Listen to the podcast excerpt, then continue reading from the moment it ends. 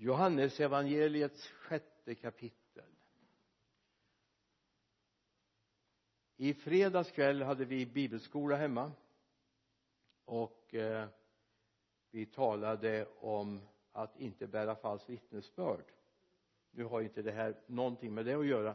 Mer än när jag gick ifrån bibelskolan så var vi ute på några ärenden jag och Birgitta bort i Trollhättan så började det här arbetet inom mig. Vad ska jag predika över på söndag kväll? Kan du tänka att jag har ju predikat på förmiddagen men söndagskvällen kom först upp i mina tankar. Och det såg att det var väldigt praktiskt för då har jag liksom lagt en grund innan jag satte mig i, igår och jobbade med förmiddagen. Då kom det här ordet till mig ifrån Johannes 6 vers 66 till och med vers 69 efter detta drog sig många av hans lärjungar undan och slutade vandra med honom. Då sa Jesus till de tolv inte tänker ni väl också gå? Simon Petrus svarade honom herre till vem skulle vi gå? Du har ju det eviga livets ord och vi tror och förstår att du är Guds helige till vem skulle vi gå? Du har det eviga livets ord. Problematiken som uppstod med det här gänget som gick med Jesus fram till den stunden var att han började bli väldigt tydlig i sitt förkunnelse. Vi kommer till det om en liten stund men jag vill bara säga om du tittar i verserna innan så ser du att han börjar tala om att äta hans kött och att han är brödet som kom ner från himlen. Och han talar om det andra brödet som inte kunde mätta och så vidare. Så de börjar få problem. Och då var det inte först och främst det här att äta hans kött. Det var ett språkbruk som i den hebreiska kulturen inte alls var ovanligt att man talade så. Men just detta att han satte sig framför de som han tidigare, eller som de tidigare hade lyssnat till fariseerna och de skriftlärde. Äter ni av det så kommer ni bli hungriga igen. Men om ni äter det bröd som kommer ner från himlen alltså från mig så kommer ni leva. Här uppstår en kris. Alltså vi tror att det är kriser det är någonting bara som uppstår när vi människor har hand om saker och ting va? I, i samfundssammanhang och församlingar så uppstår det kris. Men det uppstår faktiskt en kris i Jesu egen lärjungaskara. Så de börjar droppa av. Och då är frågan ganska naturlig. Jesus ställer till Petrus och de andra apostlarna tänker ni också dra? Nu vet vi när vi har läst bibeln att han visste redan inom sig vad svaret var men någonstans var det viktigt för dem att få uttala det. Och Petrus som är den där som är snabb på han väntar inte in de andra att de ska få tid att fundera och svara utan det briserar direkt herre till vem skulle vi gå? Det är ju du som har det eviga livets ord och vi tror och förstår att du är Guds helige. Det är där det här bibelsammanhanget startar. Det som är viktigt för oss det var viktigt för lärjungarna det var viktigt för dem som då avstod att gå med Jesus det är vad ger mig trygghet? Vad ger mig trygghet? Det här är en aktuell fråga anno 2018 vad skapar trygghet? Om vi tittar på hur det ser ut i vårt samhälle idag så vet vi att BUP behövde fördubbla sina resurser. Om man har en grabb eller tjej hemma som mår dåligt och man vill ha hjälp så är det ju inte om ett år man behöver hjälpen man behöver den nu. Nu helst igår. Jag har jobbat mycket i samband med eller samarbetat med BUP tidigare i en församling jag tjänade förut så hade vi en som jobbade inom BUP och var eh, barnpsykolog. Och jag fick vara med i vissa sammanhang när det hade med vissa andliga aspekter i frågeställningen. Och då var det fortfarande så att man kunde ringa ena veckan och få tid nästa vecka. Det finns inte på kartan idag. Varför då? Någonstans har mattan ryckts undan. De flesta barn som växer upp idag har aldrig hört talas om Gud. De flesta barn som växer upp idag har aldrig hört talas om Jesus åtminstone inte vem han är. Det skapas en falsk trygghet. Det är inte materialism som ger trygghet. Det är inte prylar det är inte spel, dataspel. Det är inte det som skapar trygghet utan det är att man får en relation till en personlig Gud som jag faktiskt i min ensamhet kan gå och prata med. Jag har hört talas om en grabb. Det är något år sedan nu. Han växte upp uppe i Stockholm inne på Kungsholmen. Och ni vet att det är ja, det är inte det enklaste området att växa upp i. Jag menar leka ute på Fleminggatan är inte liksom ingen jättebra grej va? Eller Sankt Eriks gatan och Sankt Eriksplan och så vidare. Där växte han upp. Han älskade Jesus. Han gick till kyrkan. Han gick med sina föräldrar till kyrkan. Och han hade den benägenheten att hålla, ha svårt att hålla tyst när han var i kyrkan. Eller i, på eh, skolan om det som han gjorde i kyrkan. Han bad halvhögt i klassrummet. Han gick i femte klass han eh, räckte alltid upp när det var kristendomslektion och Jesus var alltid lösningen på allting. Även mattetalen höll jag på att säga. Han var, han var en sån där riktig Jesus-frik verkligen. Älskar Jesus. Och kompisarna bombarderade honom på rasterna. Och var otroligt tykna mot honom. Han fick verkligen utstå mobbning. Och då säger föräldrarna till honom men du kan väl ta det lite lugnare. Du behöver ju inte dra på dig det här. Hur gör du nu när alla kompisarna är så vidriga med dig? Ja sa han jag går längst bort på skolgården. Där är aldrig någon. Och så ber jag till Jesus att han ska hjälpa mig. Det är sånt som skapar trygghet. Hur många barn idag ber till Jesus? Det är tid att vi får uppleva en ny tid där vi vågar tala om Jesus. Där det inte ska vara straffbart att tala om Jesus. Där inte skolorna ska dras inför skolinspektionen om man har morgonbön. Var har vi hamnat i vårt Sverige? Eller ta alla föräldrar som är helt förtvivlade över situationen. Även öppenpsykiatrin har köer idag. Jag var med en grabb för ett tag sedan här uppe på psyk på Näl. Och jag gick och pratade. Alltså ibland är man dum. Det förstår jag ju nu efteråt. Naiv. Och jag tyckte den här killen behövde få prata med en psykiatriker. Och tittar på mig. Du det är nog 15 år sedan vi hade en psykiatriker på den här avdelningen. Vi har några psykologer. Och så har vi några psyksköterskor. Det är vad vi har. Det är öppenpsykiatrin som har psykiatrikerna. Det finns en trygghet. Man bara öser på fler filmer mer prylar mer grejer och upplevelser. Men i ensamheten när man stängt dörren man släckt ljuset så mår man dåligt. Här sitter vi. Vi vet vad tryggheten är. Vi är som Petrus. Till vem skulle vi gå? Det är du som är det eviga livets ord. Och vi tror och vi förstår att du är Guds evige. Ska vi våga lyfta upp det? Ska vi våga berätta att vi känner sanningen? Ja det frågar jag med mig idag. Den brinner i mitt e-, eget inre. Hur raka vågar vi vara? För vi vet det här behöver barn. Det här behöver föräldragenerationen det behöver mor och farföräldrageneration de behöver få upptäcka. Det Petrus hade upptäckt. Till vem ska vi gå?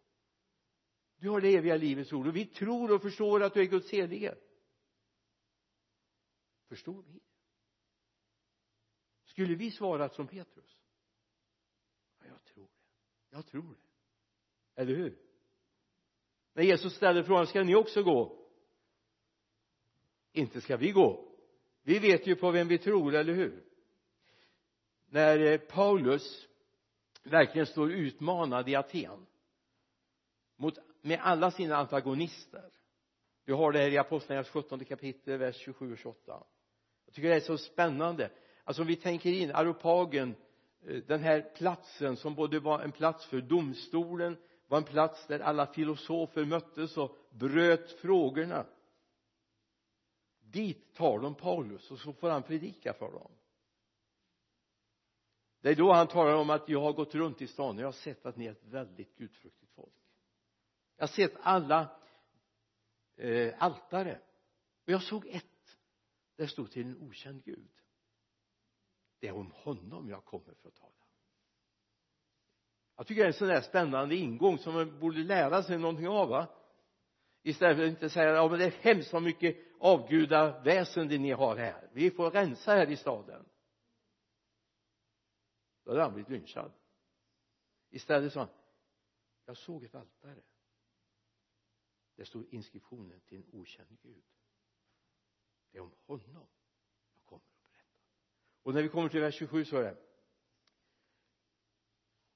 det gjorde han för att de ska söka Gud och kanske komma, kunna treva sig fram och finna honom fast han inte är långt borta från någon enda av oss.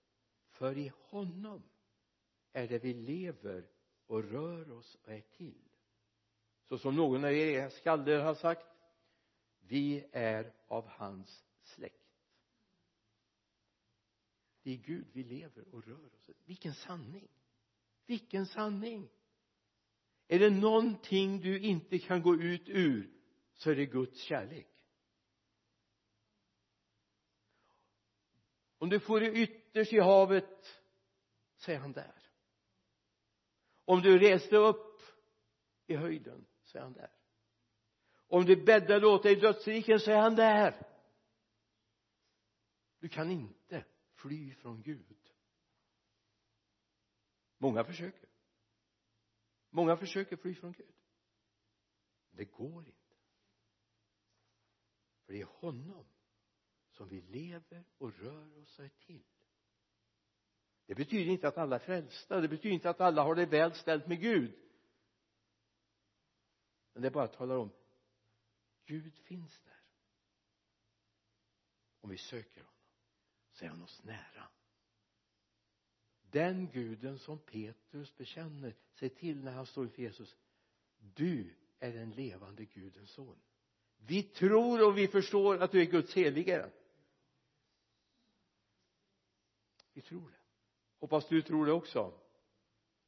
I Kolosserbrevet står det om denna Jesus i det första kapitlet. Det är en sån här vers som jag ofta, ofta återkommer till. Eller versar ska jag säga, det är några versar ska jag läsa trettonde versen, första kapitlet Kolosserbrevet. Han har frälst oss från mörkrets välde och fört oss in i sin älskade sons rike.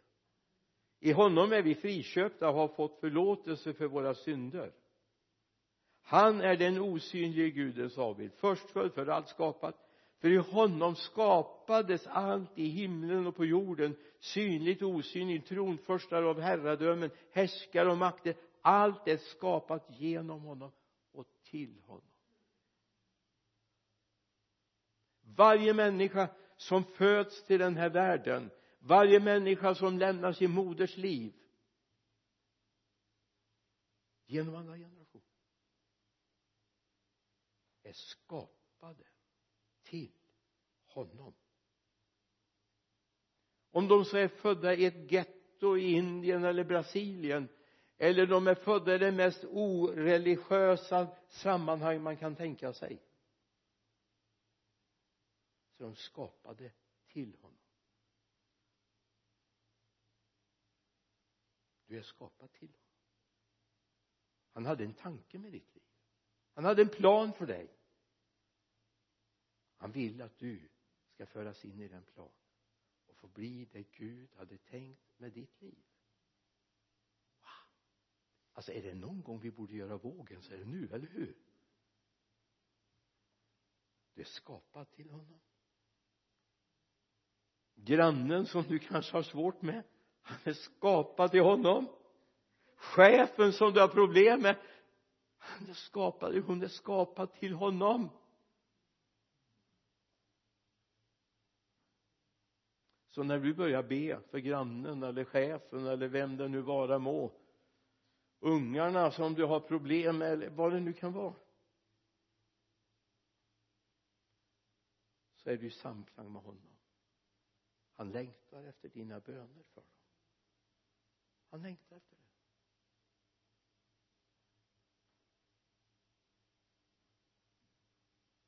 Vi är skapade till honom. Och allt allt har blivit till genom honom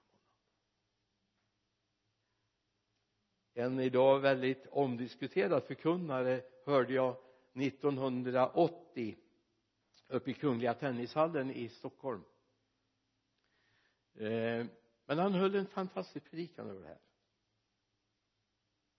Jag ska inte säga hans namn för då kanske jag väcker oh, nej men han är inte bra. Och det säger men han är jättebra. Så är vi kristna också. Gud älskar honom det kan vi vara överens om. Sen kan vi tycka vad vi vill men Gud älskar honom. Han höll en förkunnelse en eftermiddag. Jag tror det var närmare 50 grader varmt inne i kungliga tennishallen. Det var vidrigt varmt. Men jag kunde inte gå därifrån. Han talade om allt upphov är Jesus. Allt upphov är Jesus. Och så säger han någonting. Till och med korset där man spikade upp honom hade sitt ursprung i honom. För allt har blivit till genom honom. Han till och med var orsaken eller föremål för att han fick ett kors att spikas upp på. Jag ska inte hålla hela den predikan. Den etsade sig in i mitt inre. Jag fick en sån här aha-upplevelse. Jesus är du så fantastisk? Är du så fantastisk? Allt vilar i dina händer. Och du tappar aldrig greppet. Det gör vi ibland. Vi tappar greppet. Men aldrig han. Ha med den bilden. I vers 66 läser vi Johannes 6 efter detta drog sig många av hans lärjungar undan och slutade vandra med honom. Och det här är egentligen mycket allvarligt. Det samtidigt berättar det någonting om oss människor. Om alla kittlar mig i öronen och, och, och klappar mig på ryggen då är jag med. Då är, är det bra va? Yes. Jag älskar människor som klappar mig på ryggen, eller hur? Är, är vi inte sådana men Jesus är inte så. Han är ärlig. Han är sanningsenlig. Men han är full av kärlek. Är det någon som kan avslöja mig så kan han göra det. Jag har suttit i gudstjänster fått profetiska tilltal som fullständigt har bränt hål på mitt inre. Och som var så nyttigt. Och gjorde så ont. Det gör så ont när någon som inte känner mig som inte har delat livet med mig ändå kan tala rakt in i mitt liv. Och jag får bara konstatera. Du är sanningsenlig. Men du är kärleksfull. Du älskar mig. Och det är gott. Det är gott. Få uppleva det. I verserna innan, verserna 58, 59, jag tänkte inte läsa dem så står den här storyn om varför man avsl- eller inte vill gå med Jesus längre. Men den Petrus vet inte om du tål lite tufft nu. Den Petrus som bekänner till vem ska vi gå? Du har det eviga livets ord och vi tror och förstår att du är Guds helige den Petrus förnekar sin frälsare. Strax innan Golgata. När Jesus förhörs där på översteprästens gård. Tre gånger förnekar han kännedom gemenskap, kunskap om denne Jesus då skulle man kunna tänka sig då är väl loppet kört? Det är finito.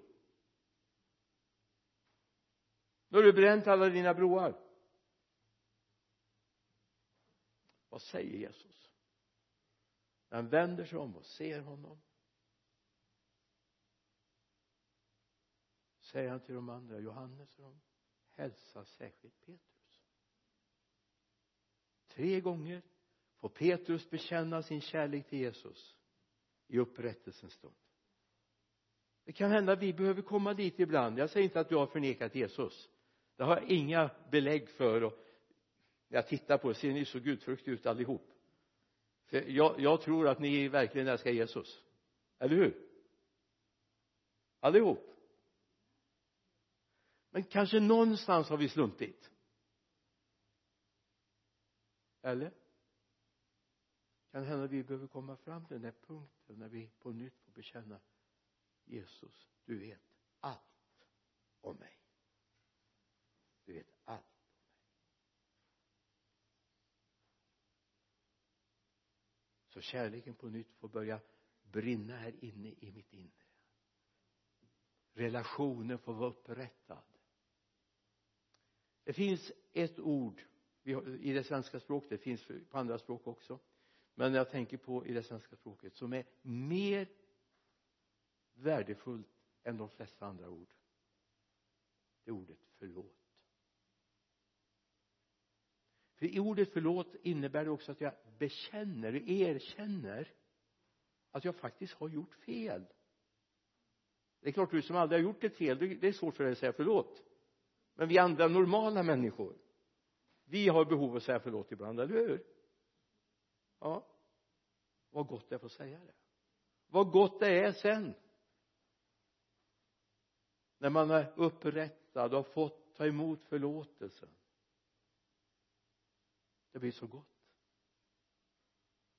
Jag hade en granne hemma när jag växte upp som jag var en ganska busig grabb. Jag var nog född som busfrö tror jag. Ställde till mycket oreda hemma jag vet inte om det var därför min pappa skaffade cykel åt mig ganska tidigt. För jag skulle sprida mitt bus på större område. Moped fick jag när jag var 13 år. Det är preskriberat nu så jag kan säga det nu. Men vi hade en granne som vi ställde till mycket bekymmer för. Och jag var nog en av dem. Vi var ett gäng grabbar. Vi hittade på mycket otyg. Spelade hartsfiol och gick och knackade på när de har gått och lagt sig på deras glasveranda och, och försvann ut i buskarna som de inte hittade och sen det är så här. Det värsta var ju när vi tog en näve sten, smågrus och kastade på deras lösa glasrutor som satt i glasverandan. Det lät ju som hagelskurar när jag står och predikar min, en av mina första söndagar 1967 så börjar Gud visa mig det här framför mig. Vi står och predikar för människor som ser ganska intresserade ut och så helt plötsligt ser jag en annan bild framför mig. Det är inte så lätt då. Så första tillfället jag åker hem sen får jag gå in till Andersson som hette som bodde där.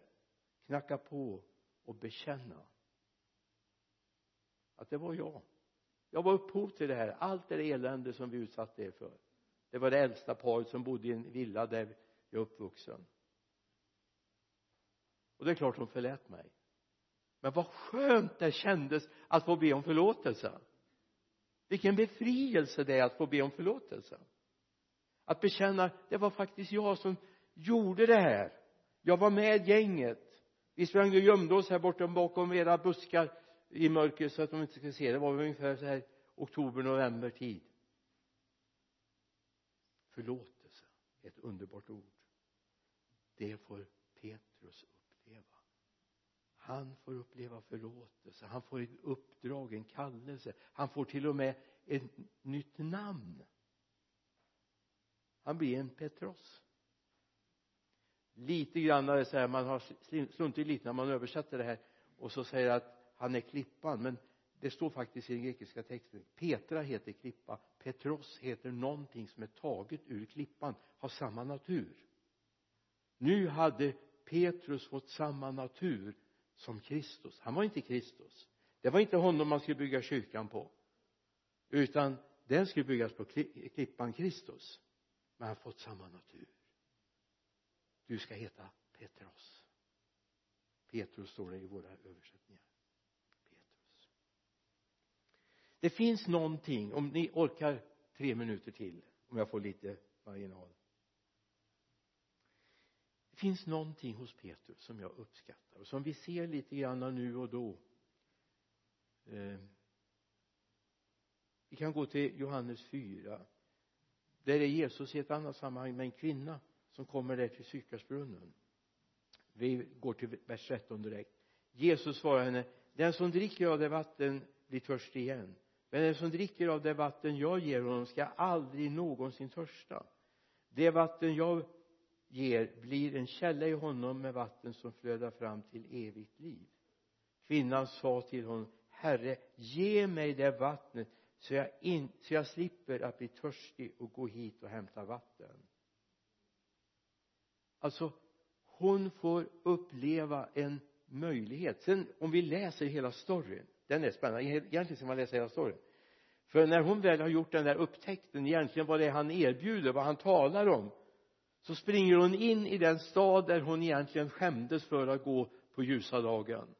Fem män har du haft. Och den du nu har är inte din man. Du alltså du har lånat någon annans. Tionde budet. Det här är inte okej. Okay. men det finns förlåtelse. Om du dricker av det vatten jag har att ge då ska det bli en källa i dig som springer fram med evigt liv nu rusar hon in i staden och så säger hon den Mose har skrivit om den profeten har skrivit om Messias. Jag har mött honom. Jag har mött honom. Och så kommer man ut till, stad, ut till brunnen och så får man höra honom själv så säger han till kvinnan nu tror vi inte bara för dina ords skull. Vi har mött honom själva. Det finns någonting. När vi har upplevt förlåtelse. När vi har upplevt reningen så finns det ett vittnesbörd. Han har gjort det med mig. Han har gjort det med mig. Jag har upplevt det. Det är inte bara en indiktad story utan det är mitt livs upplevelse. Han har gjort det. Jag har fått förlåtelse. Jag kan säga utifrån eget liv. Jag har fått förlåtelse. Och den som har fått mycket förlåtelse han älskar också mycket, eller hur? Nu vänder vi egentligen på Guds ord. Eh, men eh, kontentan blir det. Den som har fått förlåtelse den älskar också mycket. Jag hoppas du älskar Jesus för han har förlåtit dig. När Petrus säger mästare till vem skulle vi gå? Det är tomt. Och vi har tror och förstår att du är Guds helige vi tror det. Av hela vårt hjärta. Och tro är inte en hoppaslek. Det är en visshet. Det står i Hebreerbrevet 11.1 tron är en visshet. Hoppas du har trons visshet. För den behöver du i den tid som är nu. Så här är vi nu. Den 21 oktober 2018 klockan har precis passerat sju minuter åtta minuter över sju. Nu är vi här. Skulle du kunna säga och bekänna Jesus vem skulle jag gå till? Det är ju du som har det eviga livets ord. Och vi tror och vi förstår att du är Guds helige. Vilken bekännelse. Han misslyckas men får upprättelse och förlåtelse och blir en viktig pelare i det arbete som börjar sedan i apostlagärningarna. Det finns personer ibland som jag bara fascineras av. Jag fascineras av Ananias i i eh, nionde kapitlet i, i apostlagärningarna. Det bara blommar till. Sen försvinner vi vet ingenting men vi vet att han går och talar med Saulus där på raka gatan. Och sen Saul min broder. Lägg märke till vad han säger. Sa min broder. Strax innan sa han nej men honom går jag aldrig till. Jag vet allt ont jag har hört om honom men jag menar jag går aldrig till honom. Inte. Finns inte på kartan. Han är ju här för att föra oss till Jerusalem i fångenskap vi som älskar Jesus vi som är på den vägen. Men Ananias går. Vad händer? Ja vi har 13 eller 13 brev i eh, bibeln från den Paulus. Ibland kan det vara så här att en del vinner tusentals. Det kan hända ibland att Gud vill ha någon som vinner en som i sin tur vinner tusentals. Så börja inte. Det kan hända när du har vunnit en då får du bloda hand så vill du vinna en till. Eller hur? Det är underbart att be med människor till frälsning. Finns det ett bättre sysselsättning? Nej det finns det inte. Inte att tjäna en miljon eller vinna på Lotto. Jag menar det och det är ju ingenting värt. Men få med mig en till himlen eller två till himlen. Eller femtio till himlen. Finns det något bättre? Låt oss investera i det. Du är förlåten. Du har fått ett uppdrag. Se på Petrus. Han misslyckas men han får komma igen. Känner du så här jag misslyckas. Jag, jag jag stod inte upp som jag skulle här för Jesus och kom igen du har en hälsning speciellt från Jesus till dig det finns upprättelse och förlåtelse ska vi be Jesus jag tackar dig för att du är här tillsammans med oss just nu Herre, du finns mitt i den här lokalen, Fader, och du vill bara sträcka ut dina välsignande händer mot oss. Du vill beröra oss, Herre. Uppmuntra oss, Herre, när vi har trampat fel, när vi inte orkade stå upp som vi skulle, Fader. De där gångerna, Herre, när vi fick tunghäfta och inte kunde säga något fast vi visste precis vad vi skulle ha sagt i den där stunden. Herre, vi vill säga till dig förlåt låt oss få komma igen låt oss på nytt få bekänna vår kärlek till dig Jesus låt oss på nytt få säga Jesus du är den enda. Och utan dig har vi ingenting. Tack herre. Rör vid varenda en som är i den här lokalen just nu. Jag ber dig. Kom heligande bara berör. Rena helga upprätta ge mod och kraft. Jag ber om det. I Jesu namn. Amen.